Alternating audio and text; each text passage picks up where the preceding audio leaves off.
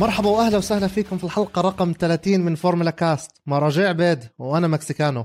حلقة اليوم حلقة استثنائية وجدا خاصة لأنه معنا ضيف بوجهة نظري هو الأفضل حاليا في الوطن العربي وممكن نحكي العالم يعني. خلينا نبالغ شوي. وبنفس الوقت بش... بشكل شخصي هو كان السبب الرئيسي اللي حببني بالفورمولا 1 ومش مجاملة فيه ولكن هذا هي الحقيقة. ضيف اليوم فراس النمري المعلق الرئيسي ل MBC Action في الوطن العربي. أبو سلمى كيف حالك؟ هلا والله يعطيك العافية تحياتي لك ولروجيه ولعشاق الفورمولا 1 بالوطن العربي. وأعتقد أعطيتني كثير أكثر مما بستاهل يعني. شكرا لك غمرتني بلطفك. بدي أحكي لك إنه أنا كثير مسرور وسعيد إنك قبلت الدعوة إنك تكون ضيفنا أنا وروجيه. إن شاء الله. أهلا وسهلا فيك أبو سلمى. يعني اليوم الحلقة رقم 30 حلقة جدا مميز بوجودك معنا وزي ما حكى حمزة وكل حدا بيعرف أصلا مين هو اسم فراس النمري إن كان بالوطن العربي أو حتى بالعالم الكل بيعرف التاريخ الكبير. وأنا أصلا أنت من الأشخاص اللي أنت خليتني أصلا من أنا صغير أحب رياضة الفورمولا 1 فاليوم إحنا كثير متحمسين لوجودك معنا واصلا للحلقة رقم 30 مع انتهاء موسمنا 2021 الله يعطيكم العافية وشكرا كثير على مجهوداتكم. وبالنهاية كلياتنا بنكمل بعض يعني سواء أنتم سواء إحنا سواء اي شخص آه، بيخدم الرياضة لأنه الهدف هو آه، يعني نشر الوعي وزيادة قاعدة انتشار الرياضة في المنطقة. والحمد لله زي ما عم بتشوفوا الرياضة عم تكبر وعم بيصير فيها اهتمام أكثر وأكثر من سباق لسباق موسم لموسم. الحمد لله. أبو سلمى ندخل على الحامي؟ ندخل سريعا. إحنا إحنا طلعنا من أبو ظبي قبل أسبوع. أعطينا ملخص سريع. هيك بكلمتين جملتين عن هالموسم. شو رأيك بهالموسم الخرافي ممكن تحكي؟ هل بذكرك بمواسم سابقة؟ هل أحلى واحد فيهم؟ إيش رأيك عن اللي صار هذه السنة؟ يعني موسم أول شيء موسم جنوني موسم تاريخي موسم أعتقد صعب إنه يتكرر بهالشكل. هذا شفنا بالماضي مواسم حلوة يعني. شفنا آه، أعتقد موسم 2008 لوسنتون فيليبي ماسا شفنا مواسم مايكل شومخر شفنا مواسم مايكل شومخر مع ميكا هاكينين حتى مع فرناندو ألونزو. آه، تابعنا آه، الفورمولا 1 أنا بالنسبة لي أيام سينا وبروست. آه، حتى كان التاريخ بقول لك إنه في امرسون فيتيبالدي وكلاي ريجازوني بس أعتقد هذا الموسم كان من اللحظة الأولى يعني من البحرين. إحنا إذا بتتذكر كنا نحكي إنه هذا الموسم شكله راح ينحسم. هذا توقعنا في اللفة الأخيرة بالسباق الأخير بأبو ظبي. والحمد لله يعني الموسم ما خيب لا ظن ولا ظن حدا تابعه. كان موسم استثنائي بكل ما للكلمة من معنى. موسم آه، عجيب آه، غريب. شاهدنا فيه كل شيء. بعدين ما تنسى الموسم مش مثل المواسم الماضية. موسم كان طويل يعني. عندك 22 جولة. كل جولة كانت مليانة بالدراما وبالإثارة بالحماس بالتشويق. وكنا إحنا في المنطقة العربية كمان محظوظين إنه عندنا أربع جولات صارت بالمنطقة. وختام البطولة كان ختامها مسك مع ثلاث جولات جولتين منهم أول مرة بنضموا للبطولة. هم جولة طبعا دولة قطر الشقيقة في لوسيل ودولة طبعا المملكة العربية السعودية مع الحلبة الرائعه حلبة جدة اللي كانت كمان تصميمها كان مثير وخل سباق دراماتيكي. وأيضا ما ننسى الختام. بأبو ظبي مع الحلبة اللي تم تعديلها وإدخال العديد من التغييرات عليها اللي أيضا صبت في مصلحة السباق وصبت في مصلحة تحديد هوية البطل. لأنه أعتقد لو كانت الحلبة على نفس المخطط السابق ربما كان صعب أنا هذا تصوري كان ربما صعب على على ماكس تجاوز لويس هاملتون. بس لأنه بالنهاية شفنا موسم حلو كلنا تمتعنا فيه. بغض النظر مين الرابح ومين الخاسر إحنا كنا الربحانين لأنه آه، كل سباق كان أجمل من السباق اللي قبله. وصعب صعب إنك آه، يعني تحكي عن سباق دون ما إنك ترجع للسباق اللي قبله لأنه كلياتهم عبارة عن سلسلة كاملة. يعني هو صحيح هذا اللي صار بس كمان الشيء يعني اللي شفناه موسم 2021 واللي هو تطور فريق الريد بول. وخصوصا كمان ماكس فيرستابن. صحيح موسم طويل عم نحكي عن 22 سباق. كمان السباقات الجديدة دخلت على الرزنامه مثل سباق مثلا جائزة المملكة العربية السعودية. بس من بداية الموسم من التجارب الشتوية شفنا الريد بول هي منافس قوي جدا وأساسي لفريق المرسيدس. وأنا شفت برأيي بأنه ماكس فيرستابن بهذا الموسم أو بسنة 2021 نضج نوعا ما بأنه هو يكون جاهز لحتى يصير بطل عالم. زمان كنا نشوف ماكس عدائي جدا ماكس دائما بصير الحوادث. صحيح تكررت هاي السنة. لساته عدائي بس نوعا ما لبس شخصية البطل. يعني خصوصا لما وصلنا منتصف الموسم أنا بالنسبة لي هورنر اشتغل كثير على ماكس بأنه برا الحلبة. أنه يجهزه بأنه أنت ماكس فيش داعي بس دائما عدائي. في كمان بدك تفكر بسباقات وبدك تفكر ببطولة. نفس الشيء اللي دائما كنا متعودين عليه للويس هاميلتون خلال السنوات السابقة. صحيح. شوف بالنسبة للموسم الموسم آه، ابتدأ بتغيير كبير دخل على القوانين بسبب طبعا الارتكازيه الكبيرة و... و... وانفجار الإطارات اللي شفناه في أكثر من جائزة العام الماضي وتحديدا في سيلفرستون. هذا الشيء دفع الاتحاد الدولي ودفع إدارة باريلي لأنهم يطلبوا من الفرق يسنوا قانون يخففوا فيه الارتكازيه وأكثر فريق طبعا انضر من هالقانون هذا كان فريق المرسيدس. على عكس الريد بول اللي كانت عم بتجهز حالها لموسم داخلته بقوة آه، ما تنسى الموسم الماضي آه، يعني عام 2020 هم من اختتموا الموسم بفوز عريض كان في حلبة أبو ظبي وكانوا عم بيحضروا نفسهم كمان آه، لأنه الموسم هو موسم وداعي لفريق للصانع الكبير هوندا يلي كان بده يودع البطولة بأفضل طريقة ممكنة. فكل الأمور هاي خلتنا إنه نتابع بداية الموسم كان في أفضلية لفريق الريد بول. رغم إنه بالبداية شفت التفوق اللي عند ريد بول آه، تمكنوا من إنهم آه، يعني خلينا نحكي يتغلبوا عليه بفضل الاستراتيجيات المحكمة اللي كانوا عم بيعملوها، الموسم كان طويل، شفنا كثير من الاعتراضات على الفرق، كل ما يكون عنده فريق نوعا ما أفضلية كانت الفرق الأخرى كانت تحاول إنها تضغط حتى تشيل هاي الأفضلية، شفنا الأجنحة المرنة شفنا كيف إنه كان عم بضغط حتى تكون المعركة كما تابعنا محتدمة حتى النهايه فريق الريد بول زي ما ذكرت فريق كان عم بجهز نفسه آه، ماكس فيرستابن بطل سائق صغير. يعني آه، ولا أول موسم ولا ثاني موسم عم نحكي إنه صار له ست سبع مواسم في البطولة. فيعني عم بيكبر نضج زي ما حكيت نضج. أيضا الفريق مش قادر إنه يستمر بإعطائه وعود لأنه هذا سائق في داخله بطل كبير. حتى يحافظوا عليه لازم على الأقل إنهم يمنحوه بطولة عالم لأنه شفنا إحنا إنه كان في تململ كان في تذمر من والده خلال المواسم الماضية إنه يعني إذا ما بتعطونا سيارة قادرة على المنافسة على وإحراز الألقاب إحنا بدنا نفكر إنه نشوف لنا فريق ثاني وكان عنده بعقده هذا الشيء بيسمح له يعني كبند إنه يكسر العقد يفسخ العقد ويبحث عن فريق آخر. فكل هالأمور هاي طبعا دفعت دفعت الموسم لأن يكون بهالشكل. هذا وما تنسى كمان فريق الريد بول مش أي فريق. يعني مرسيدس لما ابتدأت حقبه السيطرة من لما ابتدأت المحركات الهجينة فترة المحركات الهجينة. ففريق ريد بول هو كان على الدوام الرقم الصعب.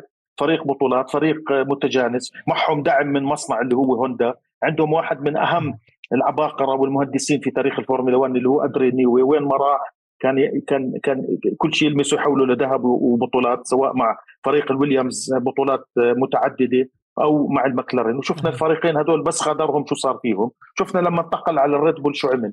ففريق كان من الناحية النفسية من الناحية الإعدادية من الناحية الإدارية من الناحية التقنية من ناحية كل النواحي كان جاهز إنه ينافس على البطولة.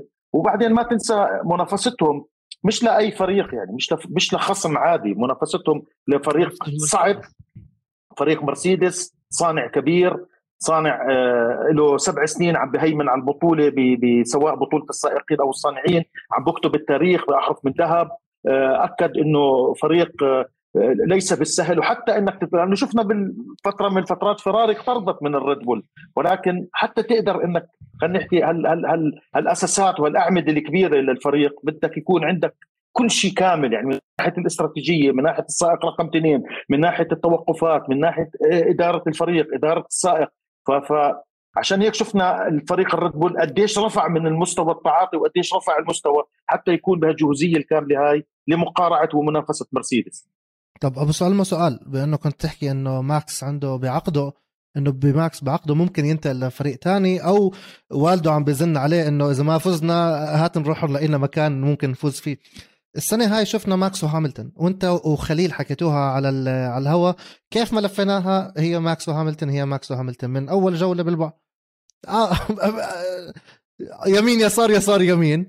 من لما كنا بالبحرين 21 جولة لو وصلنا الجولة الأخيرة 22 بأبو ظبي. حكينا ماكس وهاملتون ووصلنا الجولة الأخيرة صفر صفر النقاط. باعتبار ما في فارق. هل ممكن نشوف منافسة؟ برأيك سريعا هيك. هل في ماكس وهاملتون مرة مرة الجاي؟ طبعا أعتقد راح تستمر المنافسة بينهم والأمل إنه يدخل منافسين آخرين. يعني ما تضل المنافسة بين قطبين أو بين فريقين. ال ال ال الهدف من القوانين الموسم القادم إنه تقرب الفرق أكثر من بعضها البعض. آه، آه، تفسح المجال أمام الفرق حتى المغمورة إنه يكون لها فرصة على المنافسة لأنه هنالك كما تعلم في آه، مسألة الميزانيات ووضع سقف للميزانيات وعدم الصرف بسخاء. بس بالنسبة للموسم القادم مثلا يعني إحنا هلا صحيح في تغيير كامل على تصميم السيارة بس محركات نفسها وشفنا بهذا الموسم أو على الأقل بالمواسم الماضية بأنه أسرع محركين أو أقوى محركين هم المرسيدس والريد بول. يعني اليوم الفراري عم بتطور من أدائها وشفنا بعد التحديثات اللي جابوها وال major update اللي عملوه السيارة صارت أسرع نوعا ما المكلارن سريعة. بس كمنافسة يعني هي حد ممكن أنا بتوقع بأن الموسم القادم حتضلها محصورة بين ماكس ولويس إلا إذا كان بالفعل اليوم تصميم سيارة 2022 أو تصميم سيارات الحقبة الجديدة كثير رح يكون هو عامل أساسي أكثر من محرك السيارة. يعني هل من الممكن حنشوف مثلا مكلارن حتكون بسرعة ريد بول أو مرسيدس؟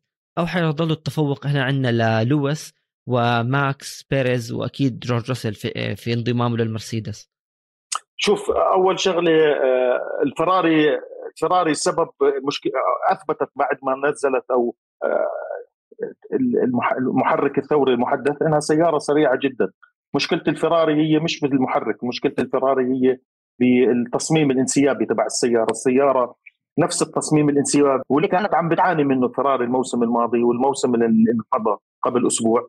فبالتالي الفراري بالعكس أنا عم بشوفها على الطريق الصحيح وإلها فترة عم بتجهز أخيرا. نفسها عم بتجهز نفسها للاستحقاق الكبير هو الموسم القادم. هلأ السؤال هل المنافسة على بطولة العالم حتى الرمق الأخير هل هذا الشيء خلى فرق مثل مرسيدس ومثل ريد بول إنهم يشيلوا نظرهم شوي وما يكون تركيزهم كامل على سيارة الموسم القادم؟ هذا الجواب أعتقد صعب إنه نتنبأ فيه ولكن هذا السؤال مشروع. هل فريق مثل فراري هل هذا الفريق سيعود إلى دائرة الانتصارات؟ ما تنسى كمان مكلارن، مكلارن فريق تحسن بشكل كبير، سيارة ممتازة، عندهم نفس محرك المرسيدس، هل هم قادرين إنهم يعملوا الدعسه عم بيستثمروا بنفق هواء جديد بتجهيزات بتسهيلات جديدة، آه، نفس الشيء فراري المشاكل اللي كانت عم بتواجههم في الماضي عم نحسهم عم بيحاولوا إنهم يتخلصوا منها مثل الاستراتيجيات خلال السباق قراءة السباق وقفات الصيانة اللي كانت دائما فيها أخطاء. عم بتشوف الفريق كل هالأمور هاي عم بتحاشوها طريقه التفاهم التعاون بين السائقين أيضا هاي أمور عم بتلاشوها فريق المكلارن أيضا فريق آه، آه، الطريقة اللي عم بتعامل فيها عم برجع برجع بيسترد الروح ما تنسى كمان فريق الألبين مع فرناندو ألونزو هذا السائق الكبير اللي ما رجع على البطولة غير هو متأكد. إنه عنده على الأقل فرصة إنه ينافس على اللقب الموسم القادم. ما ننسى كمان فريق أستون مارتن اللي عم بجهز مقر للفريق مش عم بسميه مقر عم بسميه كامبس لأنه هو زي ما تحكي جامعة. راح يكون مقر ضخم وراح يكون عبارة عن مكان لتفجير الطاقات والتعليم الانسيابية وتعليم آخر الابتكارات والأمور التقنية، فكل هالأمور هاي عم تعطينا بارقة أمل إنه بالفعل في احتمال كبير إنه نشوف موسم ممتاز العام القادم. بعدين في شغلة مهمة كثير لازم نحطها دائما بعين الاعتبار. لما تغير القوانين دائما بيطلع لك واحد عبقري عارف كيف يقرأ القانون بطريقة مختلفة عن الآخرين. فممكن ممكن إحنا نشوف السنة الجاي سيطرة لفريق ما بنعرف أي هو إحنا. فما في شيء مستبعد. بس الشيء الأمل إنه نشوف موسم تكملة للموسم الجميل اللي عشناه هذا الموسم. وتشوف الشيء اللي لازم ترجع عليه البطولة تصير منطقية أكثر تصير نشوف الفرق المغمورة عندها مثل فريق خاص عم بصرف يعني حرام إنه ما يسجل ولا نقطة. فريق مثل الفا روميو يصير الفرق هاي عندها أمل إنها تسجل انتصارات وتصير نشوف في في في المنافسة بتصير أعم وأشمل لكل السائقين ولكل الفرق. طب أبو سلمى بدنا نروح على فقرة هيك خفيفة لطيفة بدنا نسميها حفل جوائز فورمولا كاست. بما إنه قبل كم من يوم كان في جوائز ال FIA فقررنا إحنا نعمل جوائز من عندنا. فحنسألك كم من سؤال هيك سريعين جاوبنا بكل صدق لأنه الكل دائما بيحكي لك أنتم متحيزين إحنا هون ما فيش. بدك تعطينا إياها آه، بهيك أول شيء بخطر على بالك. ف أفضل سائق هذا الموسم. هل مش شرط يكون اللي فاز؟ يعني هلأ ماكس فاز بس ممكن مش هو الأفضل. مين برأيك أفضل سائق كان هذا الموسم؟ من ناحية تطور شخصي ومن ناحية آه، أمتعنا. يعني عمل سباقات حلوة عمل جولات حلوة استمتعنا فيها. يعني أنا إذا بدك تحكي لي مين السائق الأكثر سائق لفت نظري هذا الموسم سائقين هم كارلوس ساينز و... و...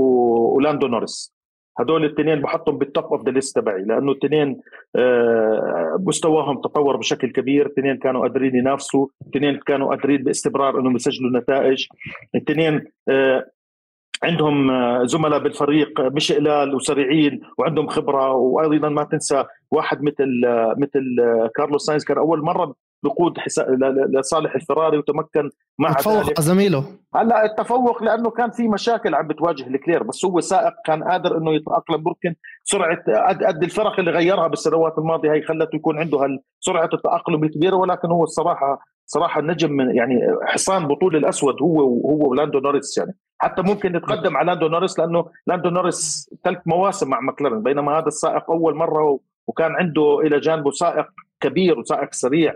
هو شارل لكلير. أيضا اللي إحنا دائما كنا على طول نحطه بنفس منزلة هو من السائقين اللي راح ينافسوا على البطولة مستقبلا. كنا نحكي آه، من من من في الحرس القديم وفي السائقين الجدد.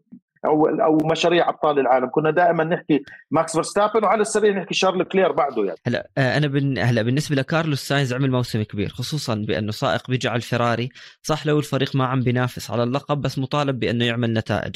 وهو بجانب تشارلز لوكلير والكل بيعرف الفراري أملها بتشارلز حاليا إنه هو يصير بطل العالم. بس أنا بشوف ماكس فيرستابن مش لأنه فاز باللقب بس لأنه بعد كل هاي السنوات شفنا سائق قادر بأنه هو يتفوق على لويس هاملتون. فتنا أبو ظبي صفر نقاط بس. لو نيجي نحسب عدد الفوز عدد ال pole positions بوديوم أرقام ماكس أفضل من أرقام لويس هاملتون. يعني إحنا بنحكي بعد تقريبا ست سنين سبع سنين. اجى حدا حكى لهاملتون أنا أفضل منك. عشان هيك أنا بالنسبة لي ماكس. مش بسبب إنه إحرازه للبطولة بس بسبب منافسته وتفوقه على لويس هاملتون. آه كارلوس ساينز يعني هو تفوق أكيد على نوريس وداني ريكاردو وتشارلز لوكلير ممكن يحكي منافسينه الأساسيين خصوصا لما سياره هي مش مجهزة 100% لإلك. بالنسبة للسائقين الاخرين يعني راح يكون أكيد بالمرتبة الثانية لويس هاملتون لأنه الأرقام أنا بعدين بحكي كارلوس ساينز ورابع واحد بعتبره أنا فرناندو ألونسو سائق بعد كل هاي الفترة أنت غبت عن البطولة ورجعت بسيارة ما بنقدر نحكي إنها منافسة. أفضل من سيارات الوسط نوعا ما وعمل سباقات كبيرة وعم بجهز فريقه وأوكون لموسم كبير. فهيك هي كانت سريعا هيك. لا أنا أنا ما جاوبت ما أنا ما جاوبت على ماكس أو لويس آه، لعدة اعتبارات. بس أنا أنا في عندي نقطة واحدة على على المنافسة بين ماكس ولويس. أنا بتصوري آه، آه، ممكن الريد بول ما كانت أفضل سيارة على مدار الموسم مقارنة بالمرسيدس. وصحيح آه، ماكس آه، قدر إنه يربح بطولة العالم طبعا. هلأ في علامات استفهام كثيرة كيف ربح بطولة العالم ولكن هو بطل العالم. بس ال ال ال أنا أنا إذا بدك ترجع للتقدير الشخصي آه، ماكس أكثر من مرة بالموسم وأخطأ بانه كان البطولة ممكن كان يحسمها من فترة طويلة. عرفت كيف؟ وهون كمان أنا على عكسك بلوم كريستيان هورنر وبلوم دكتور هيلموت ماركو لأنه الاثنين وضعوا ماكس بجو مشحون. كانوا آه، تصريحاتهم تزيد تزيد من تأزم الوضع. كانت تصريحاتهم ما تعطيه نحكي هالبيئة الحاضنة أو تعطيه الأريحية بالعكس كانت توتره أكثر ماكس آه، على سبيل المثال بسيلفرستون آه، صح وضعوا اللوم على لويس على لويس هاملتون وعاقب بلويس هاملتون. ما فاد يعني ما ضرته ولا فادته يعني بالعكس ما أثرت عليه نهائيا. هو رجح وربح السبق بالمقابل. ماكس آه، خسر 25 آه، نقطة. بلاش 25 يا أخي لو طلع ثاني كان كمان استفاد. ف, ف, ف أعتقد لويس على مدار الموسم كان ذكي.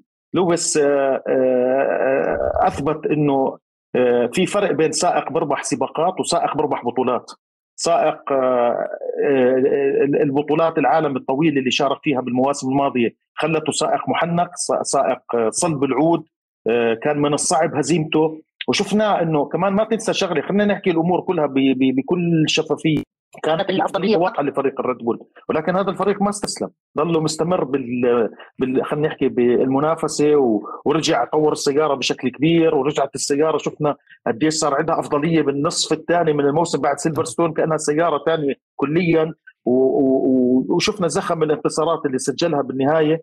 يعني بالنهاية آه، خسر ولا ربح اثنين بيستاهلوا بطولة العالم. أنا لو علي بقسم الكأس نصين وبعطي لكل واحد كأس لأنه لولا لويس هاملتون ربما ماكس ما كان بهالشكل هذا بالموسم آه. ولولا آه، ماكس بهالشكل الكبير اللي فجر طاقاته وأثبت إنه في أكثر من سباق كان عم بربح براسه أكثر من سرعته وأكثر. شفنا قديش عنده مهارة في إدارة الإطارات قديش عنده مهارة في قراءة السباق.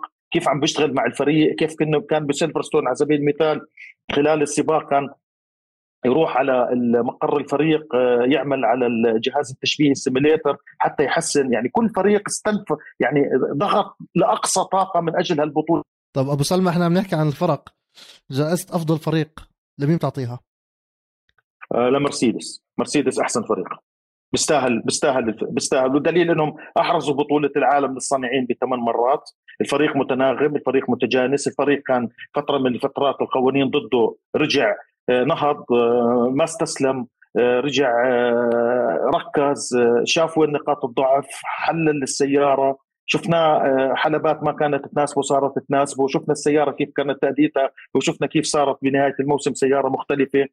وشفنا الفريق على على على الاستراتيجيات على قراءة الفريق. بعدين ما تنسى الفريق المرسيدس مش بس لويس كان في عندك فالتيري بوتاس. فالتيري بوتاس أدى كل المطلوب منه. وزياده كان ما بدنا نقارنه بسيرجيو بيريس ما بدنا نقارنه بسيرجيو بيريس ولكن هو أدى موسم كبير ساعد الفريق مرة أخرى إنهم يحصلوا على بطولة الصانعين، بطولة الصانعين مش بس لويس بيعملها، لويس ساعد ولكن كمان بدك بدك تعطي الحق لصاحبه وصاحب الحق كمان في هذا المجال هو هو فالتيري بوتاس اللي اللي ادى أدى موسم كبير. صح صار عنده مشاكل صار عنده حوادث صار عنده انفجار إطار صار عنده آه، خلينا نحكي مشاكل آه، بالموثوقية بالمحرك إلى آخره كأنه فأر تجارب. ولكنه كان دائما قادر على انتشال الفريق ومساعدة زميله ومساندته أكثر من سيرجيو بيريس هلا سيرجيو بيريس أول موسم وإلى آخره هذا شيء ثاني ولكن كفريق ككل متكامل المرسيدس أنا برأيي كمدار الموسم كان أفضل. وانت لما تحكي عن فريق بتحكي عن انت قلتها سائقين اثنين.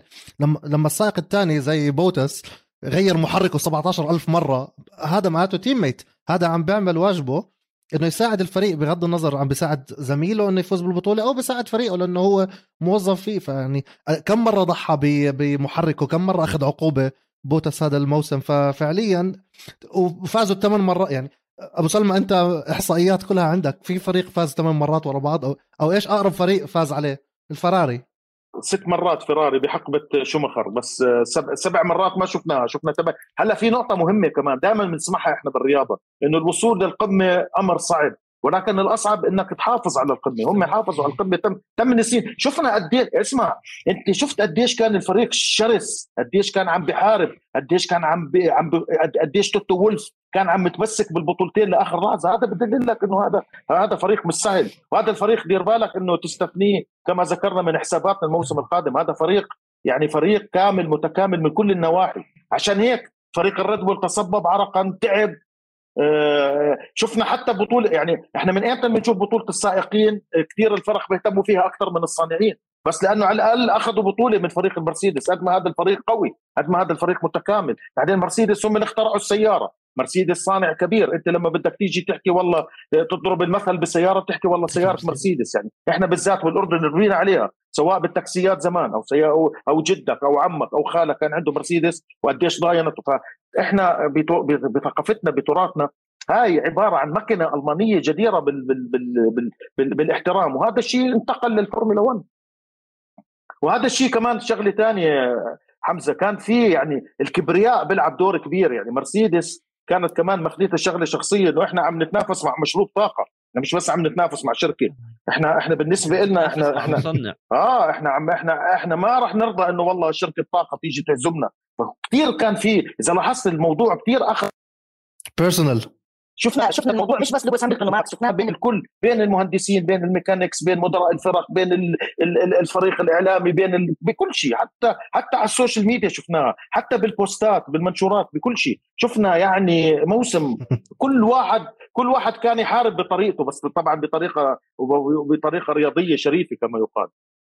بس حرب الإعلام كان مولع أصلا بين توتو وكريستيان هورنر. يعني وصلت لمرحلة ما بيسلموا على بعض واللي وصلت لمرحلة إنه كتير toxic عم بيصير الموضوع. بس زي ما أنت قلت بطريقة رياضية لأنه كل واحد بده يفوز. طب رجاء أنا عندي في سؤال حاب أسألك إياه. هالمرة مفاجأة مين فاجئك هذا الموسم؟ أنت بتتابع الفورمولا 1 من سنين كثيره هذا ال season الغريب في طلعت مفاجأة. مين اللي فاجئك أنا اللي فاجأني كارلوس ساينز. إنه لما وقع العقد مع الفراري ما كنت أتوقع بأنه مثلا هو حيتفوق على تشارلز ليكلير بغض النظر إيش الظروف اللي صارت مع كل سائق بس فعليا ترتيبه بالبطولة حتى أفضل من فريق المكلارن اللي كان منه. أنا كنت متوقع بأنه ساينز يعني رح يحتاج فترة أطول أو نحكي كل موسم 2021 ليتأقلم مع الفريق الضغوطات اللي صارت على عليه لأنه اسمه سائق من الفراري لكن بصراحة بأنه ينهي البطولة بهذا المركز وأفضل من ريكاردو نوريس وتشارلز أنا كانت بالنسبة لي مفاجأة.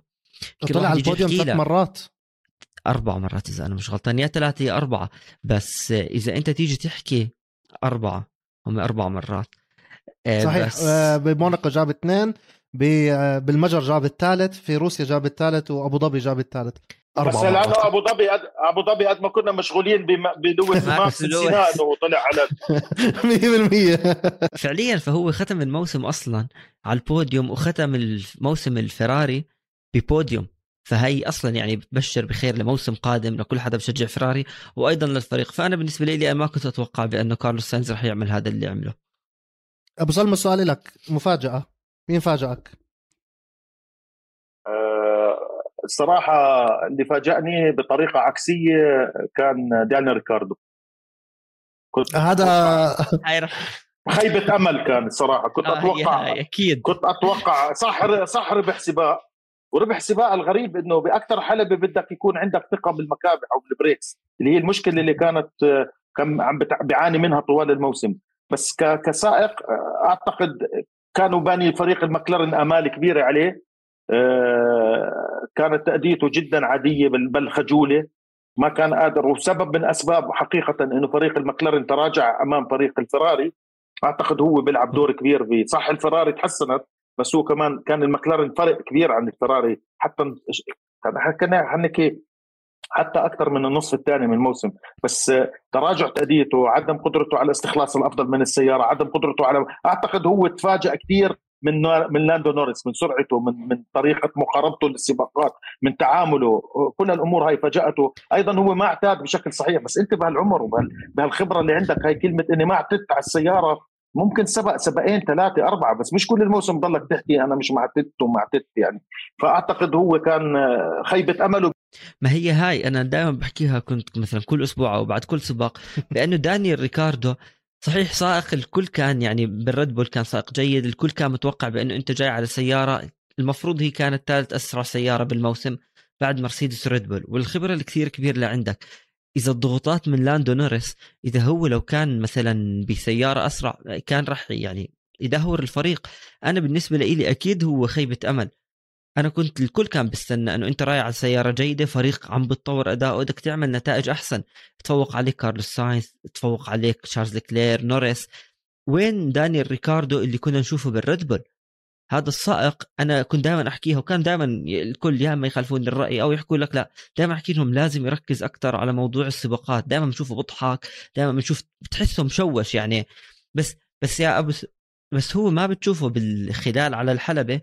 الشخص السائق اللي أنت ممكن تشوفه بطل العالم بس بس شوف أنا أنا أنا بدي أرجع شوي بالذاكرة لما كان آه، داني ريكاردو زميل لماكس فيرستابن. هو برأيي هرب من مواجهة كبيرة. هو ترك الفريق لأنه عارف هو أيامه صارت معدودة مع فريق ريد بول لأنه في سائق آه، راح يمتلك الأفضلية كاملة عليه فخليه يحفظ ماء الوجه يحفظ مسيرته وينتقل وشفناه انتقل لفريق رينو مع إنه البعض تفاجأ.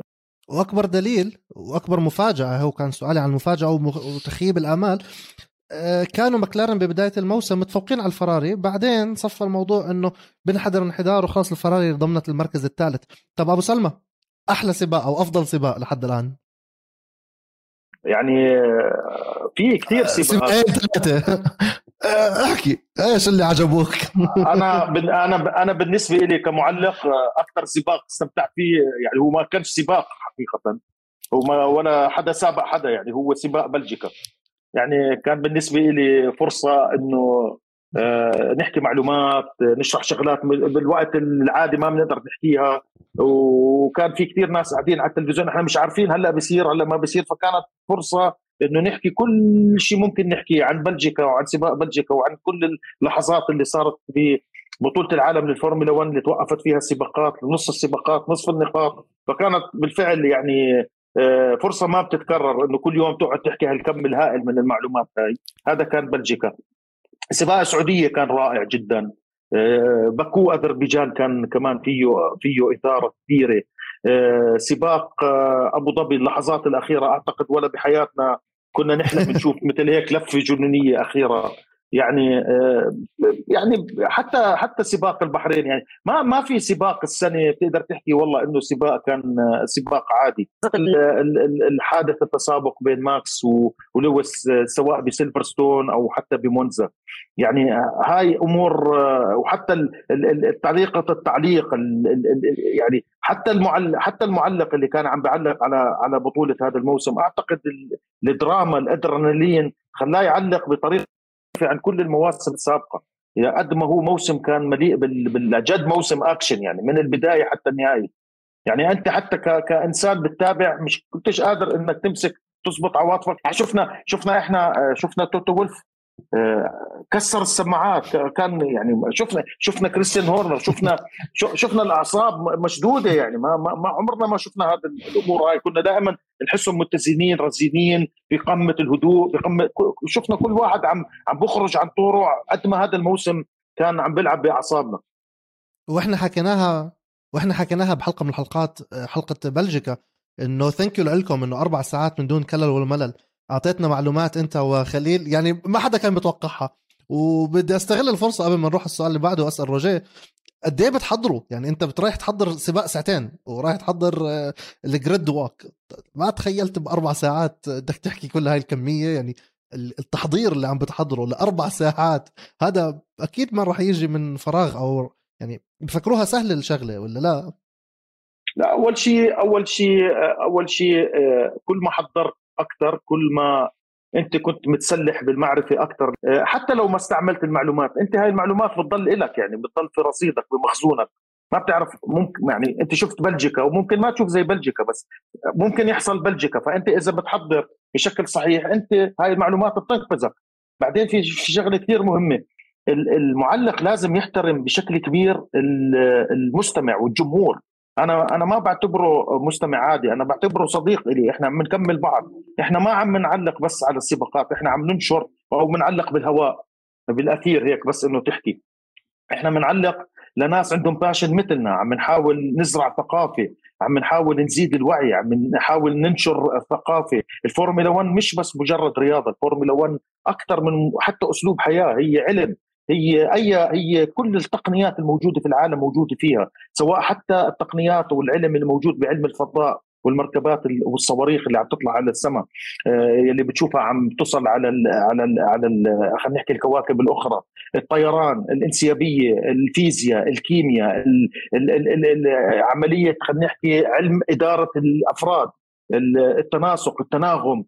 كل هالامور هاي حتى اللياقة البدنية حتى خلينا نحكي العلم النفس. يعني هي بطلت بس إنه والله سيارات عم تتسابق أو بتدور حوالين بعضها. عشان هيك لازم تكون متحضر لازم تكون جاهز لازم ما تخلي خلينا نحكي معلومة غير إنك تجيبها. صح ممكن كثير مرات 100 آه، خلينا نحكي 100% من المعلومات اللي بتستعملها ممكن تستعمل 15 أو 20% منها. بس إذا إذا صدفت وأجت الوقت إنك تستعملها بالعكس الكسبان هو مش انت الكسبان هو المشاهد صديقك لأنه انت عم بتخليه مشدود على الشاشة زي ما حصل ببلجيكا. ما تركونا الناس وأصدقائنا المشاهدين أحبوا اللي عم بيسمعوه لأنه إحنا عم نعطيهم صح ما في ما في ما ما ما, ما في خلينا نحكي سبق نشرحه بس كنا عم عم نشرح كل التفاصيل المحيطة بالموضوع سواء قوانين سواء آخر ابتكارات سواء شو صار البطولة سابقا على بلجيكا إلى آخره من معلومات.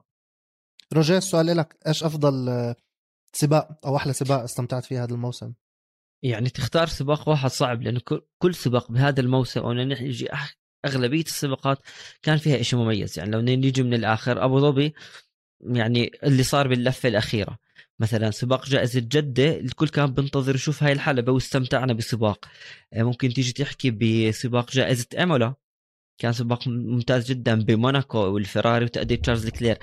فبصراحة صعب أحصر أنه أجي أحكي لك سباق. يمكن لأنه آه راح أحكي لك مرة آه، بأبو ظبي انحسم اللقب. راح أجي أحكي لك بإيمولا تأدية نوريس. ممكن أجي أحكي لك بباكو كل دراما فأنا كسباق واحد صعب. أرجع أحضر راح أرجع أحضر كل السباقات. لأنه يعني الموسم ما كان بتميز بأنه والله سباق سباقين صار فيهم إشي. بكل سباق كان يا إما سائق يفوز لما اوكون فاز أو دراما أو حادث اللي صار بمونزا لما ماكس فيرستابن طلع سيارته على سيارة لويس هاميلتون فاختيار كسباق واحد ما راح ها؟ أقدر أحكي لك لا صعبه جدا أنا بس هو. أكيد أنا راح بس أنا راح أتفق مع أبو سلمى بسباق بلجيكا لأنه كل حدا بيحب الفورمولا 1 صحيح الموسم كان هو كله لويس و... وماكس وريد بول ومرسيدس لكن أكثر من أربع ساعات اللي حضر السباق كثير راح يكون استفاد. يعني إذا ما كان يعرف إيش عن الفورمولا 1 تعرف، أخذ معلومات لسنين يعني. أنا ممكن أجاوبكم. أنتوا حكيتوا بجوز صعبه أنا ممكن أجاوبك. آه، أبو ظبي لأنه كنت حاضر فتجربة شخصية حلوة إنك تحضرها من آخر من الأرض الحلبة وتشوف هاي ال finale الخرافي بس كمتابع لل season هاد هم السباقين اللي حكيت عنهم مش حلوين. أنا أبو سلمى حكيت بالبودكاست في سباقين مملين أنا ما بحبهم اللي هو السباق الفرنسي والسباق الروسي. واكتشفنا انه هدول السباقين أكثر سباقين فيهم دراما وأكشن مش طبيعية. من فرنسا ببول ريكار وبسوتشي وكنت بحكي يا رب تتغير الحلبة ورح نت- رح نروح على ايجورا درايف بعد سنة. بس السنة هاد مش معقول اللي صار. فأحلى سباق لإلي صراحة هو الفرنسي وال والروسي. طيب أبو سلمى لحظة الموسم. في لحظة هيك مستحيل تنساها. وما بدنا نحكي عن أبو ظبي. ما بدنا هي نحكي عن غير أبو ظبي. لحظة أعتقد لما آه، لما صعدت سيارة لما اشتبكت سيارة ماكس و... ولويس بالذات بمونزا وهاي صارت قبل وصارت قبل لا، بس- الماضي آه لا بس مش هالاحتكاك اللي هذه المرة اللي صارت بسيلفرستون خرج بس آه، ماكس بس لا، ب- ص- ب- صارت بالماضي بالزمن الماضي بالتسعينيات صح؟ صارت آه، صارت بين سينا وبروست مرتين صارت في في اليابان. و 89 و90 بسوزوكا. 89 كانوا زملاء بمكلارن و90 كانوا عم ينافسوا على بطولة العالم بروست مع فيراري و- وآخر سنة مع مكلارن صارت بس إنه كانت برأيي اللحظة خلينا نحكي اللي زي ما تحكي البركان لما ينفجر كانت هاي اللحظة اللي اللي اللي يعني الصراحة ما كنا حابين نشوفها بس كانت متوقعة وقلنا إنه ما راح تكون آخر مرة كمان. وبإيط... وبإيطاليا يعني ال- الكاميرات أو الصور جابت إنه الهلمت تاعت هاملتون محفوفة يعني ال- العجل حف راسه فت... هو اللي أنقذه الصراحه واللي أثبت إنه بالفعل معايير السلامه اللي عم تتبعها الاف اي اي مع البطولة هي ال- ال- الطوق عرفت كيف؟ أنقذه بشكل كبير يعني وحماه لأنه آه، آه، ما كنا بنعرف شو كان راح يصير يعني. مش في أول مرة هاي أكثر من مرة شفناها. روجير لحظة مستحيل تنساها هذا الموسم. هي لحظة يمكن مش كثير حلوة. هلا أي حدا بيحضر بحب هاملتون ومرسيدس رح يزعل بس هي اللي صار بباكو مع لويس هاملتون. بالغلطة ال magic بال brake button. magic button. هي مش لأنه هاملتون طلع من السباق بس لأنه إحنا عم نحكي سائق بخبرة هاملتون وبطل عالم سبع مرات. بس تكون أنت تحت ضغط بالنهاية صحيح سائق وأسطوري بس الضغط بخلي الشخص يخطأ. فالخطأ اللي عمل فيه لويس هاملتون سبب بأنه هو يخرج. فأنا كانت بالنسبة لي هاي هي اللحظة المميزة. صحيح لحظات مميزة هي أي شيء بين لويس وماكس زي ما حكى أبو سلمى بمونزا كنا كلنا بنتوقع سباق قوي ومن أحلى الحلبات آه، لو آه، ماكس فيرستابن طلع على لويس هاملتون بسيارته. بس بباكو الضغط اللي كان الموجود على المرسيدس وعلى لويس هاملتون سبب بأنه هذا الخطأ يصير. إحنا ما عمرنا شفنا أصلا لويس هاملتون أو حسب ذاكرتي يعني البسيطة إنه لويس هاملتون بيعمل أخطاء. بس أخطأ يمكن بأكثر موسم لازم هو ما يعني ال error يكون عنده صفر. شوف هلأ بنهاية الموسم بحكي منيح إنه أخطأ. السبب إنه بنفس السباق واللي صار عشان ال red flag هو ماكس فيرستابن الإطار تاعه انفجر وكان متصدر. وهاملتون أخطأ وبرضه أخذ صفر نقاط فمنيح إنه اثنيناتهم طلعوا صفر نقاط عشان نوصل للنهاية اللي إحنا ما حدا كان متوقعها. لو واحد بيناتهم فاز أو لو واحد بيناتهم جاب نقطة كان السيناريو تغير بالأخير.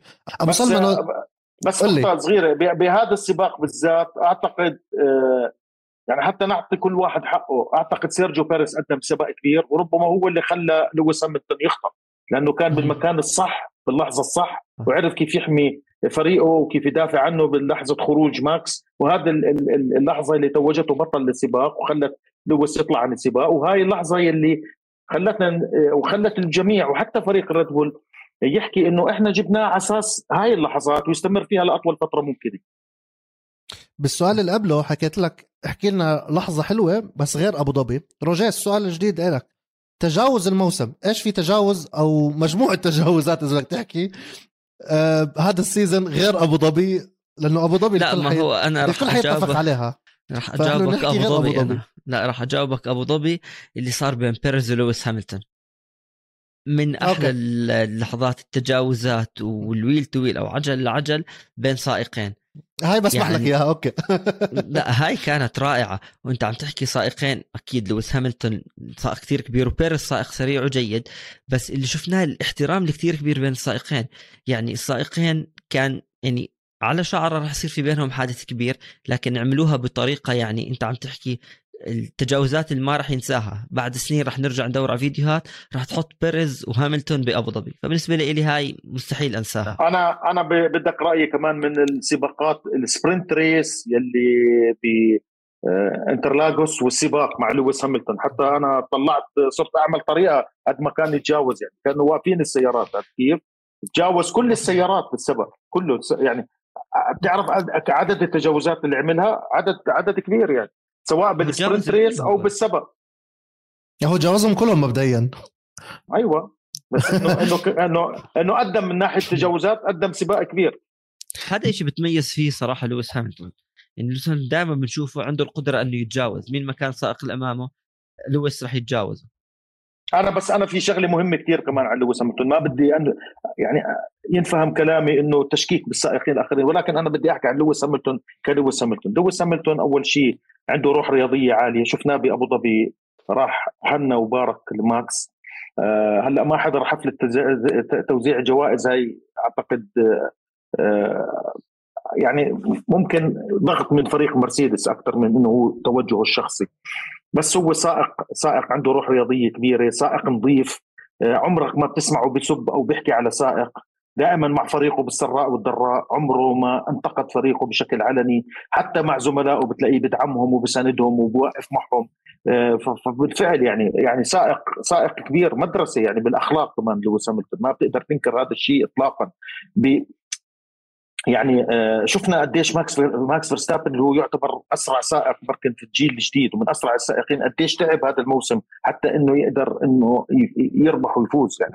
هذا بيعطيك دليل على إنه لويس هاملتون ما زال في القمة ومش راضي يعني حتى إنه يتنازل عنها. قد ما هو كامل من يعني كمال الله بس إنه من ناحية سائق متكامل من ناحية كيف يعد السيارة وين بيكون يوم الجمعة كيف بنلاقيه يوم السبت بالفترة الثالثة وكيف بيكون بالتصفيات التأهيلية واحد مختلف. كيف بالسباق كيف بيدير سباقه عمليات التجاوز إدارة الإطارات.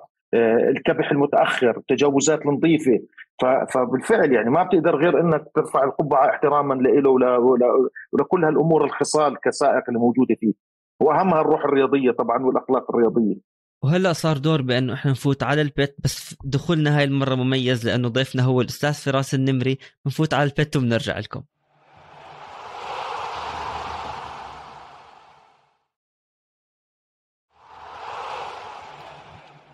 وطلعنا من البيت بس رح نحكي هلا بموضوع يمكن شغل كل حدا. بيحضر الفورمولا 1 وخصوصا مدراء الفرق واللي هو موضوع ال FIA مايكل ماسي وال stewards يعني فوق الدراما اللي كانت موجودة عندنا بالموسم والتنافس لحتى أبو ظبي صفر النقاط الفارق بين لويس وماكس. بس كان في كثير حكي على نجي نحكي نظام العقوبات اللي عم بتبعوه اليوم ال stewards وبالأخص قرارات مايكل ماسي.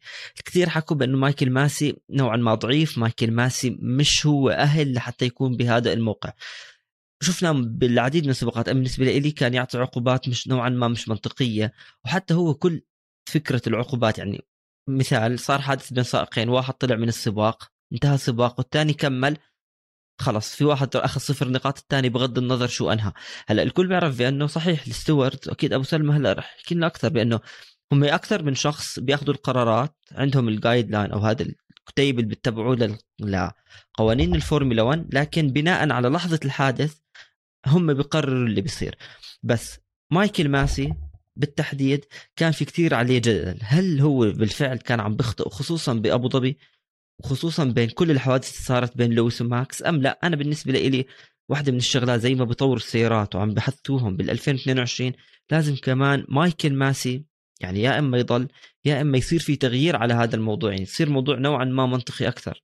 بداية مايكل ماسي مش هو اللي بفرض عقوبات على السائقين أو على الفرق. هو بيبعت وجهة نظره أو اللي شافه غلط أو اللي شافه للجنة التحكيمية واللجنة التحكيمية هي اللي بتقرر العقوبة اللي يجب فرضها على على الفريق أو السائق المخالف. هلأ بالنسبة لمايكل ماسي إحنا بنعرف إنه هو جاء بغفلة من الزمن. يعني هو ما كان مجهز أو محضر إنه يستلم هذا المنصب. هو أخذ مكان رجل كبير آه، وعنده خبرة كبيرة وواسعة بالمجال.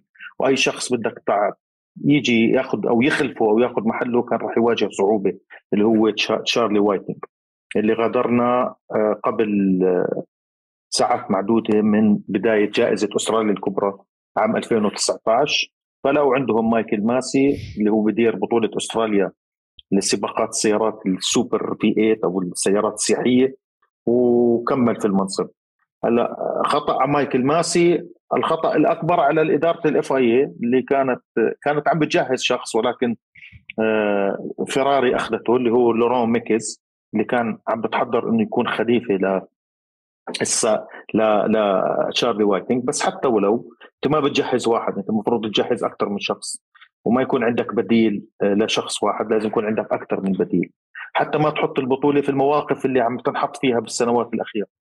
آه، مايكل ماسي آه، كما يقال is nice guy بس هذا المنصب ما بده nice guy هذا المنصب بده شخص حازم شخص عنده كاريزما عنده سطوة عنده سلطة والأهم عنده خبرة بمجال الفورمولا 1 وللأسف هاي الأمور كلها مش موجودة عنده.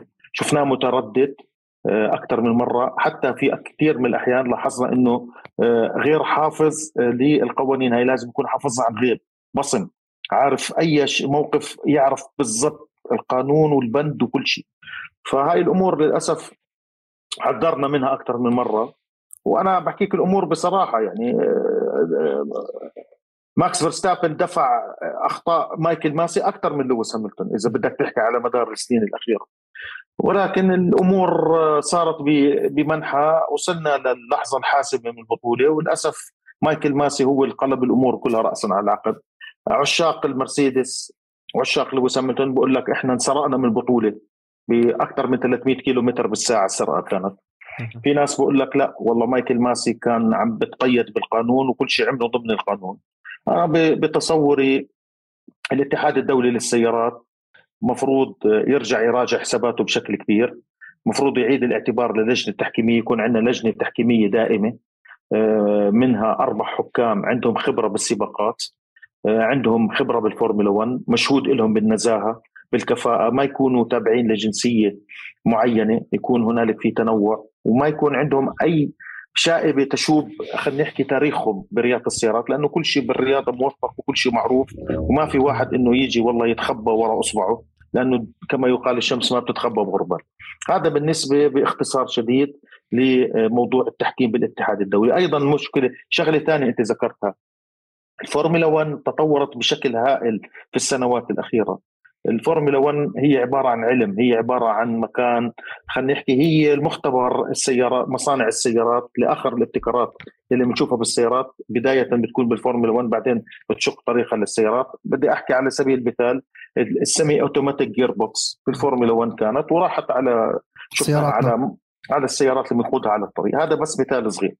اللي صاير بالفورمولا 1 إنه التطور الكبير بمجال التقنيات وبمجال الحلبات وبمجال السلامة العامة وبي وبي وبي ما واكبوا تطور في القوانين المنصوص عليها أو المكتوبة. القوانين رمادية القوانين آه، مبهمة القوانين ممكن تفسرها زي ما بدك. آه، فأعتقد لازم الاتحاد الدولي وهذا يعني من الأمور اللي بتامل من آه، أخونا محمد بن سليم بادارته الجديده للاتحاد الدولي يعطيها أهمية قصوى هي مسألة إعادة الاعتبار للقوانين. التخلص من المنطقة الرمادية لأنه أنت أهم شيء بالدنيا إنه يكون في عدل. إذا العدل غاب معناته كل واحد آه، خسر بده يحس إنه هو مغبون وإنه هو انظلم. فإحنا ما بدنا ظلم إحنا بدنا بالنهاية الرياضة تنتهي الأحق هو اللي يفوز. واللي واللي ما فاز يكون أول واحد مبسوط إنه ما فاز عشان يفوز السنة اللي بعدها. فهذا الشيء اللي إحنا بدنا إياه يكون موجود على ساحة البطولة في في المواسم أو في القريب العاجل. هذا هو الهدف يعني باختصار شديد. أبو سلمى أنت حكيت عنه واطلقت عنه لقب مايكل مآسي من المآسي اللي كان يعملها. يعني شفنا بالنمسا وزع عقوبات على الكل خمسة وعشرة ثواني. جوز لحق أنت وخليل وفريق MBC Action عقوبات قد ما وزع على الكل. شفنا مثلا وبدي أعطيك حادثتين صارت مؤخرا. شفنا واحدة اللي هي بجدة؟ ماكس هو مش هو بس حتى نوضح هو ما بيوزع عقوبات هو هو بدير سباق هو بتدخل إمتى تدخل سيارة الأمان العلم الأحمر إلى آخره. بس العقوبات كعقوبات اللجنة التحكيمية اللجنة التحكيمية كل سباق مختلفة عن السباق اللي قبله. اللجنة التحكيمية بس عشان نشرح للأعزاء اللي عم بيشوفونا تتألف من أربع حكام. حكم يكون رئيس اللجنة التحكيمية عنده خبرة كبيرة اللي هو إحنا لازم يكون الأربعة مثله. عرفت علي كيف؟ مثل آه آه، شو اسمه كونيلي اللي هو كان عنده خبرة هائلة بمجال السباقات وبالتحكيم وتنظيم السباقات واشارها رالي أستراليا فترة طويلة جاري كونيلي أسترالي. عندك آه، بكون سائق من ضمن الأربعة عندك رئيس اللجنة واحد من الأربعة أيضا سائق فورمولا 1 أو سائق سباقات سابق, سابق حتى يعطي وجهة نظره كسائق. وعندك واحد الاتحاد الدولي بعينه حكم. وعندك الرابع بعينه الاتحاد أو النادي الوطني يعني ال ASN يعني بكون عندك حكم وطني بالسعودية بيكون في حكم سعودي بالأبو ظبي آه، حكم, حكم إماراتي وهكذا. عرفت كيف؟ الموضوع إنه عندك أربع حكام مش دائمين. هون عم نشوف التفاوت هون عم نشوف إنه ما في ثبات ما في استقرار ما في آه، آه، بعض الأحيان بنشوف عقوبة بالسباق بتكون شيء وبالسباق اللي بعده شيء ثاني. هذا بيعطيك فكرة على سبب التفاوت في العقوبات. هو العدم عدم ثبات اللجنة التحكيمية أو أو ثباتها أو استقرارها. هي هاي نقطتي هي هاي نقطتي أبو سلمى. بجدة شفنا إنه ماكس فيرستابن قطع ال corner 2 واضطر إنه يرجع المركز. بس لما صار بأبو ظبي لما لويس هاملتون قطع الكورنر ما رجع المركز هو طلب منه يخفف. بس دقيقة هون آه، هون الاختلاف إنه لويس هاملتون أجبر على الخروج عن المنعطف لأنه ماكس دفشه. هذا الاختلاف. بس هم في شغلة مهمة. هم صح رجع بس هو عمل فارق بينه وبين طبعا. ماكس. هذا المشكلة. إنه انسى إنه هم قالوا له إنه ماكس دفشه. بس هو عمل فرق كبير. هون كان لازم يتدخلوا ويقولوا له يا عم أنت عملت فرق هذا الفرق. رجعوا لا هذا الفرق خلص ريحوا كل السبق لأنه بأولها كان ماكس بحاول يكون قريب منه. حتى يستفيد من إطاراته. بعدين لما تعبت إطاراته لأنه بتعرف الاطارات ال soft ما عندها ضيان وإنها تقعد فترة طويلة بالسباق. خلص كان السباق أصبح أشبه بنزهة للويس طب وعندك وعندك حادثة ثانية بجدة يعني مايك ماسي عم بتفاوض تقول يعني شو رأيك تأخذ هذا العقوبة؟ شو رأيك يعني هذا إيش هاي إيش مكان هاي بالجملة والإعراب؟ أو أول أو أول شيء لازم يعملوه يمنعوا المدراء الفرق مثل توتو وولف مثل كريستيان هورنر مثل مين ما كان يكون يحكوا مع مدير السباق. بس في أو يأثروا عليه بالقرارات. نعم. في أنباء أيوه لازم لازم من من زمان ما حدا يأثر عليه. please Mikey وشو؟ اتركوه يشتغل؟ هذا شغله هذا حكم هذا هذا قاضي هذا هذا سلطة ما حدا المفروض يحكي معه أو يلمسه. عرفت علي؟ والشغلة الثانية الشغلة الثانية زي ما حكى زي ما حكى حمزة شو إحنا قاعدين بسوبر ماركت بعمل لك عرض بتاخذ اثنين بيطلع لك ثالث ببلاش. لأنه مو مو منطق يعني اللي كان عم بيصير. فهاي خلت كثير من جمهور الرياضة يسأل يرفع يعني يرفع اصبعه ويتساءل إنه والله في كثير علامات استفهام انرسمت حول هذا التصرف أو التصرف الآخر. بس هي كمان في شغلة يعني إذا إحنا بنيجي نحكي اليوم ال stewards أو لجنة الحكم مش كلهم عندهم خبرة الفورمولا 1 يعني المفروض أي حكم بده يكون بغض النظر إن كان شو السباق يكون له تاريخ برياضة الفورمولا 1 سائق يكون حكم سابق يكون بفريق. لأنه بالنهاية تجيب شخص من مثلا نحكي رالي يكون حكم بسباق فورمولا 1 أكيد في اختلافات.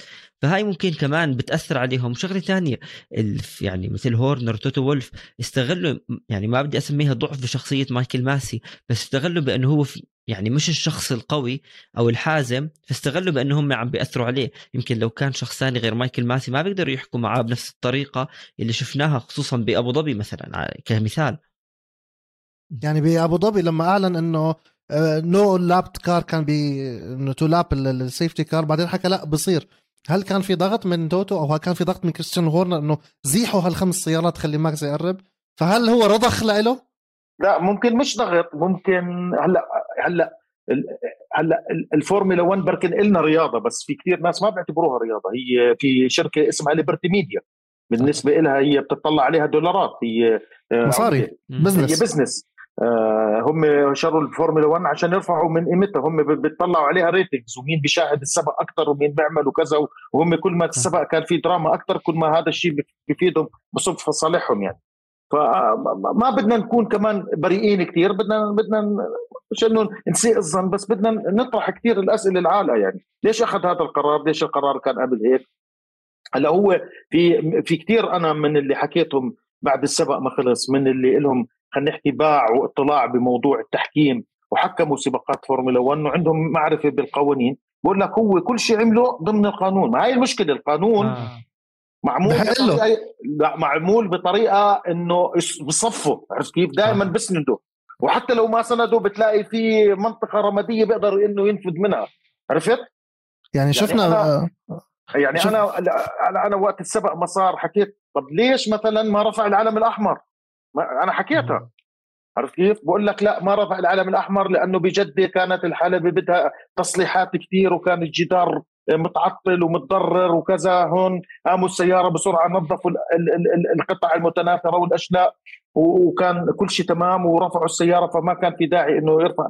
فيعني في في في كثير أسئلة انطرحت. أعتقد الاتحاد الدولي لازم يجلس جلسة طويلة ومعمقة ويحاول يغطي كل الفراغات والعيوب والثغرات اللي صارت لأنه هذا شيء مرفوض ممنوع يصير يعني. وعلى سيره الاتحاد الدولي وانت حكيت قبل شوي اسم محمد بن سليم. ممكن تحكي لنا بس سريعا محمد بن سليم قبل ما يكون رئيس الاتحاد الدولي حاليا مين هو اولا؟ محمد بن سليم أول شيء إنسان أعتقد بحياتي ما شفت واحد آه، خلينا نحكي عنده الاراده للوصول مثله. يعني آه، عنده كان هدف وطموح ودائما كان بتعب له وبيسعى له من خلينا نحكي اللحظة الأولى يلي دخل فيها الراليات، دخل الراليات باسم مستعار في عام 1983 82 انه كان يخاف من العيلة لأنه بتعرف كان الفكرة عن رياضة السيارات إنها رياضة خطرة. بعدين أعتقد أول رالي آه، دخلوا آه، ورفع من طريقة تعامله مع الراليات كان في الأردن عام 1983 تعرف الراليات في الأردن كانت أهم راليات في المنطقة. هي الأساس بانطلاقه بطولة الشرق الأوسط، اجى عام 1983 على ما كان معروف يعني. آه، اجى على سيارة من أفضل السيارات اللي كانت السماء لها شهر نازلة على بطولة العالم هي أوبل مانتا 400 كان هو وسعيد الهاجري على نفس السيارة وكانت السيارة بيضة ما عليها أي تمويل. هو كان شراها من من من من, من جيبه الخاص. كان عم بدرس بأمريكا عنده آه، طلاقة بالتحدث باللغة الإنجليزية. آه، وكان ذكي وما زال يعني ذكاؤه خارق أعتقد. فأثبت وجوده بفترة بسيطة. في السنة ال 84 مالبورو أو فيليب موريس وتويوتا أخذوه لفريقهم. وبرالي الأردن كان أول مشاركة له وربح الرالي يعني. تخيل بأول مشاركة على ضمن فريق رسمي هو فريق تويوتا الشرق الأوسط. على سيارة تويوتا twin cam turbo عام 84 ربح رالي الأردن. وبعدها سنة تحكي أصبح كل شيء تاريخ. ربح بطولة الشرق الأوسط 14 مرة. ربح آه، صح في كثير في كثير سنوات ما كان في منافسات بس الحق مش عليه. آه، ربح 60 آه، رالي دولي على ساحة بطولة الشرق الأوسط. أرقامه صمدت فترة طويلة لغاية ما اجى ناصر عطيه وحطمها. بس هذه الأرقام موضوع حتى تكسر. كان على الدوام لما يجي على الأردن تربطه علاقة كانت جدا كبيرة بالراحل الكبير الملك حسين. حتى إنه شارك على سيارته هو والملك عبد الله بسباق تسلق مرتفع الرومان والسيارة موجودة بالمتحف مزينة بالعلم الإماراتي. كانت تربطه كمان علاقة قوية بجلالة الملك عبد الله، كان أي دولة يروحها بتلاقيه آه، سواء كان رئيس جمهورية أو شيخ أو أمير أو ملك هو علاقته معهم جدا قوية، كان على تماس مع كل هال, هال يعني كان مش بس بتحسه سائق رالي. محنك يعني قد ما هو كانت نظرته من هذاك الوقت بعيدة. بال خلينا نحكي بالألفية الجديدة كان نادي السيارات نادي الإمارات للسيارات والسياحة هو نادي خاص تمتلك الرخصة التمثيل الاتحاد الدولي بدولة الإمارات العربية المتحدة. طموحه زي ما حكيت لك لأنه غير غير محدود يعني لا حدود له السماء بركة حدوده. قام بشراء النادي وابتدأ شوي شوي ينسج علاقات هي كانت علاقاته كثير قوية لأنه هو كان ينظم آه، رالي دبي وكان ينظم رالي آه، أبو ظبي الصحراوي اللي كان اسمه رالي الإمارات الصحراوي وكان عنده علاقات مع الاتحاد الدولي وكان كمان ضمن ال ال ال خلينا نحكي نواب فترة من الفترات ماكس موسلي وبعدها جون تود ولما آه، انتهت ولاية جون تود وما قدر يترشح لمرة رابعة لأنه ثلاث مرات كان هو أكثر واحد عم بيشتغل صح عنده علاقات مع كل الأندية العربية مع أندية المنطقة حتى بافريقيا حتى في أوروبا حتى في بريطانيا اللي هو خلينا نحكي المرشح اللي كان نازل ضده محمد بن سليم اللي هو جراهام ستوكر ديفيد ريتشاردز اللي هو خلينا نحكي رئيس ال motorsport في بريطانيا الشركة اللي عم تعنى بهال industry الكبيرة في بريطانيا اللي بتوازي المليارات أكد يعني دعم وساند بن سليم فهذا بيدل لك على مدى إنه اشتغل الصراحة بطريقة صحيحة يعني. جاب زوجة بيرني أكليستون جاب أسامي كبيرة حصل على دعم من الفرق الفورمولا 1 وهذا اللي خلاه إنه لما لما يربح الانتخابات ما يربحها بفرق قليل ربحها بفرق كبير يعني وشاسع عن وهذا بتصوري آه، مكسب كبير لرياضه السيارات العربية يعني. هذا إنه وجود محمد بن سليم وجود أربع حلبات فورمولا 1 وجود هذا الزخم الكبير من البطولات في منطقتنا العربية هذا بدل على إنه إحنا بطلنا مجرد أرقام أو مجرد مشاهدين أصبحنا جزء لا يتجزأ من الرياضة وأصبحنا فاعلين بشكل كبير على ساحتها طب هيك سؤال هلا هو بما إنه اجى خليفة لجون تود والكل بيعرف جون تود تاريخه الكثير كبير برياضة السيارات خصوصا فورمولا 1 يعني يعني التاريخ العظيم والإنجازات اللي عملها. هل اليوم بنشوف إنه محمد بن سليم رح يعمل تغييرات كثير كبيرة أو ممكن ياخذها تدريجيا لأنه أنت بتيجي خليفة لشخص ناجح جدا وكان له أثر كثير كبير خصوصا على رياضة الفورمولا 1 والشيء الثاني صحيح إحنا عم نحكي أربع سباقات بالمنطقة والرياضة بشكل عام مش بس فورمولا 1 عم تتطور بالوطن العربي وخصوصا بالخليج. ومحمد بن سليم زي ما كلنا بنعرف إنه هو إماراتي. هل وجوده رح يساعد بأنه بالمستقبل القريب نشوف سائق فورمولا 1 عربي؟ أو أنه بمنصبه يعني نوعا ما مش كثير رح يأثر على هذا الموضوع. هلا شوف في نقطة مهمة كثير جون تود اسم كبير بعالم رياضة السيارات. آه، هندس بطولات على ساحة الراليات لتالبوت لما كان تالبو لوتس لما كانوا في الراليات عام 81 كان هو جي فريكلان آه، ساعدهم إنهم يربحوا البطولة. بعدين أدار القسم الرياضي ببيجو أحرزوا بطولة العالم أيام ال Group B. عام آه، خلينا نحكي 85 86 كان تيمو سالونن يوها كانكونين بعدين لما لغوا ال Group B انتقل لدكار هندس العديد من الانتصارات مع اري فاتنن مع يوها كانكونين بعدين انتقل مع بيجو خلينا نحكي ل Pikes Peak ربح ب Pikes Peak. آه، بعدين انتقلوا لرالي دكار ربحوا برالي دكار. بعدين آه، انتقل للفراري كانت فراري فترة طويلة بالظلمات والبطولات غائبة تماما عن خزائنها. هندس آه، بطولات مايكل شومخر هندس بطولات صانعين وحتى بطولة كيمي رايكنن هو كان وقتها بدير الفريق. ولكن أنا بحكي لك حقيقة شو عمل للاتحاد الدولي؟ شو البصمة اللي تركها؟ شو سوى؟ أنا كنت أتوقع منه أكثر بكثير أنا وكل عشاق الرياضة. ما ما اشتغل ممكن على على على على نطاق شخصي على نطاق إنه يبرز نفسه. عرفت علي؟ بس إنه الرياضة كرياضة شو اللي استفادت من وجود جون توت في هالرياضة بهال 12 سنة؟ شفنا عم بيشتغل على أسس كان أساسا آه، يعني ما تحكي واضعها وتعب بوضعها وفتح الطريق له هو ماكس موزلي. ولكن كجان تود شفنا في كثير في كثير في كثير أمور وصلت خلينا نحكي لمرحلة إنه إحنا نحكي فيها. مثل مايكل ماسي كانت موجود وجود جون تود وهذا الشيء له له فترة. شفنا كثير كثير أمور مثلا آه، ما كانت تعجبنا شفناها بشكل واضح أيام جون تود فجون تود برأيي أنا ما كان هالرئيس المنتظر اللي شفناه صاحب إنجازات ونجاحات كمدير فريق بيجو أو بالفرق اللي ذكرتها أو فراري. بس ما شفنا هالبصمة اللي تركها تحكي أوف والله غير البطولة بشكل كبير والله عمل والله سوى. أنا شفته جاب اللي حواليه حطهم كلهم بمناصب.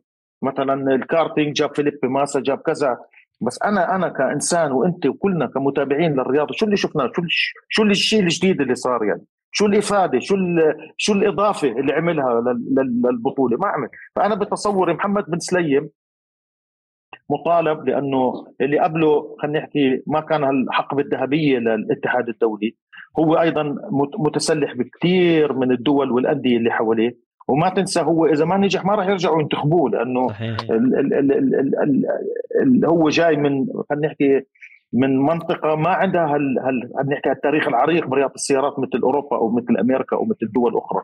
ومن هون هو مطالب إنه يعمل وينجز ويسوي. هو أيضا ما تنسى محوط حاله بمجموعة كبيرة من الأشخاص اللي فهمانين يعني هو ما عم بيشتغل كفرد بس هو معه معه مجموعة كبيرة من ال ال ال الطريقة اللي أدار فيها حملته الانتخابية البرنامج الانتخابي اللي وضعه كلها أمور بتدل على إنه مش جاي والله هو بس إنه يكون خلينا نحكي مجرد رئيس رمزي أو فخري هو بده يشتغل وبده يترك بده يترك بصمة وحتى يأكد كمان إنه يعني يكمل خلينا نحكي المنحى البياني لاسمه إنه هو إنسان ترك بصمة وترك إنجازات. وغير بالرياضة نحو الأحسن لأنه الرياضة في كثير مسائل بدها تحسين وبدها تغيير صحيح. ولا يمكن إنك تسكت عنها وتستمر بهالوضع هذا ومساعده هو كمان عربي صحيح؟ آه معه مساعدين اثنين معه آه وضمن مساعده هو سعادة الشيخ عبد الله بن عيسى الخليفة اللي هو رئيس الاتحاد البحريني للسيارات إنسان فهمان آه عنده عنده باع طويل وكان رئيس مفوضية الكارتينج وبس جون تود آه، يعني بتعرف كيف هو الدكتاتور حقيقة يعني كمان الطريقة اللي بيدير فيها. آه، اختلف معه وأبعده ولكن آه، كمان عنده فرصة. وإحنا إحنا كمان اللي بدنا إياه من محمد مسليم إنه يكون في حواليه كثير عرب وهذا اللي عم بيسويه يعني. إنه عم بتشوف أسامي عربية حواليه. ولكن إحنا كعرب أيضا همنا وهدفنا بعد ما صار عندنا الحلبات زي ما حكيتوا إنه نشوف عندنا بطولات قوية للسيارات بطولة الشرق الأوسط للراليات يعيد الاعتبار لها لأنها بطولة ماتت أو عايشة خلينا نحكي بغرفة الإنعاش. آه، يرجع إعادة الاعتبار لهالبطولة اللي اللي هي كانت سبب بأنه اخرجته وأخرجت العديد من الأبطال ناصر العطية وغيره وغيراته يزيد الراجحي الشيخ خالد القاسمي آه، سعيد الهاجري كل هالعمالقة الكبار اللي شفناهم برياضة السيارات العربية هي كانت السبب. فلاجب إعادة الاعتبار لبطولة الشرق الأوسط. عندنا حلبات بالكويت عندنا حلبات بدبي عندنا حلبات بأبو ظبي بالبحرين بالمملكة العربية السعودية عرفت علي كيف؟ هاي الحلبات موجودة بس ما عندنا بطولة توحد الحلبات هاي. ما عندنا وحتى بطولة كارتينج مثل الناس توحد الحلبات توحد المنطقة. إحنا بدنا بدنا بطولات بدنا بطولات تكون قادرة على آه، إنه يكون عندنا يوم من الأيام ومش في فتره طويلة يكون عندنا سائق عربي وأكثر من سائق يكون موجود بالفورمولا 1 هاي هي الحلقات اللي ناقصتنا وأعتقد على محمد بن سليم إنه يشتغل عليها مستقبلا. يعني أملنا خير إنه يكون آه، محمد بن سليم وسعاده الشيخ مساعده. آه، تزدهر مبدئيا هاي الرياضة وتنشال الحقبة اللي كانت تنشال الحقبة اللي كانت مع جون تود وقبل إنه ليه حاله الثبات. وإحنا كمان كعرب يعني هين عم نشوف تطور بالحلبات عم بيزدادوا عدد الحلبات. هذا إشي كتير بيسعدنا وإن شاء الله يكون أكثر وأكثر والازدهار أبو سلمى بالمنعطف الأخير من حلقتنا إحنا دائما بنحكي عن حادثة طريفة بتصير بسباق بتصير مع سائق معين. بس هاي المرة لأنه أنت ضيفنا بدنا هيك حادثة صارت معك أو معلومة مش الكل بيعرفها بالتعليق اللي صار معكم هاي الموسم. إحنا الصراحه آه، آه، تعليقنا هذا الموسم دخل أعتقد آه، يعني لما تحكي للفهمانين بمجال الإعلام ومجال التغطيه والأخص التعليق على السباقات أو الأحداث ال live المباشرة على الهواء تحكي لهم إنه أنا كنت في دبي وزميلي خليل كان في لندن وكنا نعلق على السباق كل واحد آلاف الكيلومترات عم تبعده عن الثاني وعلى سباق live وكنا نحاول قد ما بنقدر إنه آه كثير ناس كانوا يحسوا إنه حتى ما كأنه قاعدين مع بعض. فهاي كان أعتقد أكبر تحدي وشيء صعب لأنه كمان في بعض الأحيان كان يكون عندك تأخر بالبث. يعني كان عندك ديلي. كنا نحاول قد ما بنقدر آه، إنه نكون في تجانس كمان يطلع صوت مع بعض نكمل بعض الواحد إمتى يسكت إمتى يحكي بس لما رجعنا آه، بعد هالفترة هاي خلينا نحكي أول الموسم نص الموسم تقريبا كنا بعد بسبب طبعا جائحة الكورونا هي اللي منعتنا إنه خليل عايش ببريطانيا وكان التنقل صعب وحتى يرجع بريطانيا كان ممكن بده حجر وإلى آخره.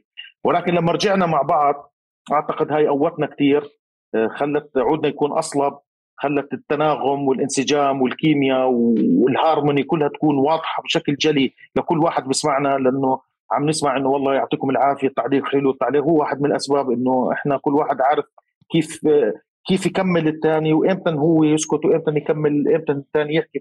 فهذا الشيء انعكس بشكل كثير كثير حلو على على المحتوى وعلى خلينا نحكي على هال خلينا نحكي التعليق اللي عم نحاول إنه نوصله للأعزاء والمستمعين والمشاهدين. يعني يعني هي أكيد كمان صراحة موسم 2021 شغلات خلتنا نستمتع فيه واللي هو إنه التعليق اللي كان منك واكيد من صديقنا خليل بشير.